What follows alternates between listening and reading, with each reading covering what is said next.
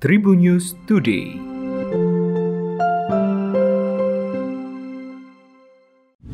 Halo Tribuners, berjumpa kembali bersama Hakim di Tribun News Today dan Hakim akan berbagi informasi menarik hari ini mulai dari informasi nasional, internasional, selebritis dan juga olahraga.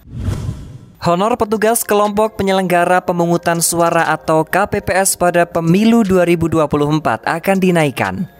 Besaran yang diterima petugas KPPS nantinya adalah 1 juta rupiah Kenaikan honor tersebut berimbas kepada membengkaknya anggaran penyelenggara pemilu tahun 2024.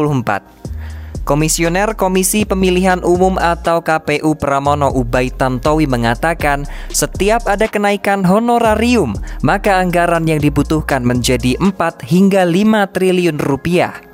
Pada rencana awal, honorarium petugas KPPS diusulkan minimal naik setara dengan upah minimum regional atau UMR masing-masing daerah di Indonesia.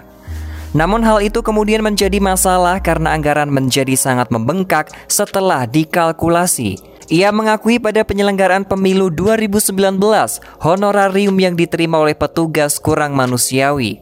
Sebelumnya, Komisioner KPU Hashim Asyari mengungkapkan, KPU mengusulkan anggaran pemilu 2024 sebesar 76 triliun rupiah.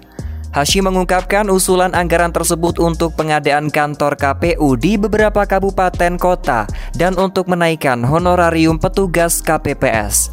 Hashim mengatakan beban kerja petugas penyelenggara pemilu sangat berat sehingga perlu dinaikkan. Presiden China Xi Jinping terkejut adanya kabar mengenai kecelakaan pesawat penumpang milik maskapai China Eastern Airlines yang membawa 132 orang. Pesawat Boeing 737-800 tersebut kehilangan kontak udara di atas kota Wuzhou di wilayah Guangxi.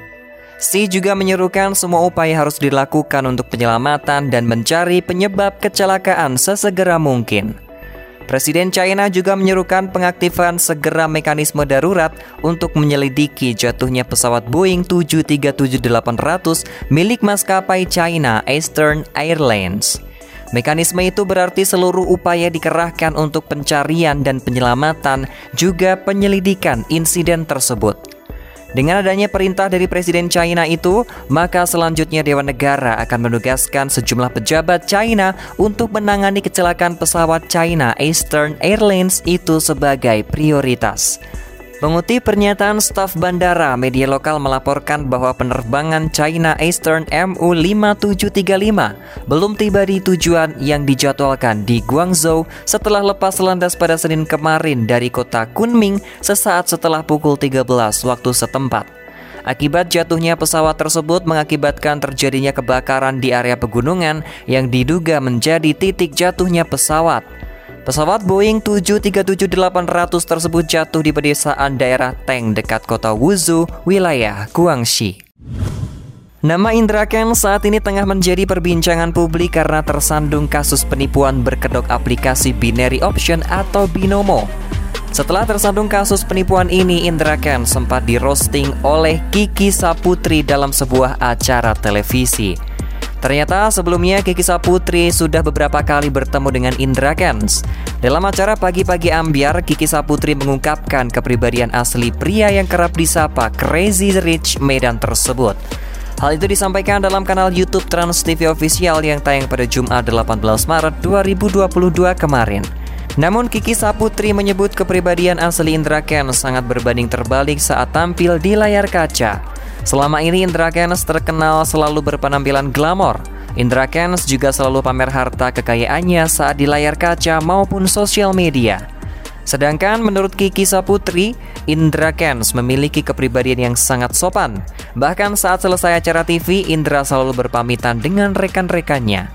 Kiki menirukan dengan cara menundukkan kepalanya. Melihat sikap sopan Indra Kens, Kiki Saputri merasa kagum yang kemudian ia menilai sikap Indra Kens berbanding terbalik dengan kesombongannya saat berada di sosial media. Anggota DPR RI fraksi Partai Gerindra Andre Rosiade mengatakan ajang balap MotoGP Pertamina Grand Prix of Indonesia di Mandalika, Nusa Tenggara Barat sukses mengharumkan nama Indonesia di kancah dunia.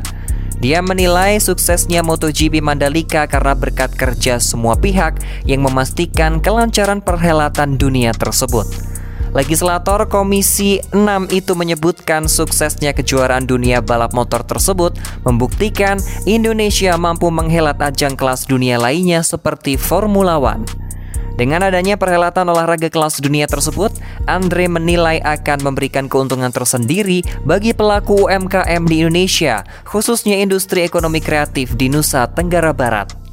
Namun masalah yang dihadapi saat ini adalah ketersediaan kamar penginapan seperti hotel, villa, cottage, dan juga sangat kurang di area sirkuit Mandalika. Sehingga banyak wisatawan baik lokal maupun asing yang tidak mendapatkan tempat penginapan yang dekat dengan sirkuit Mandalika.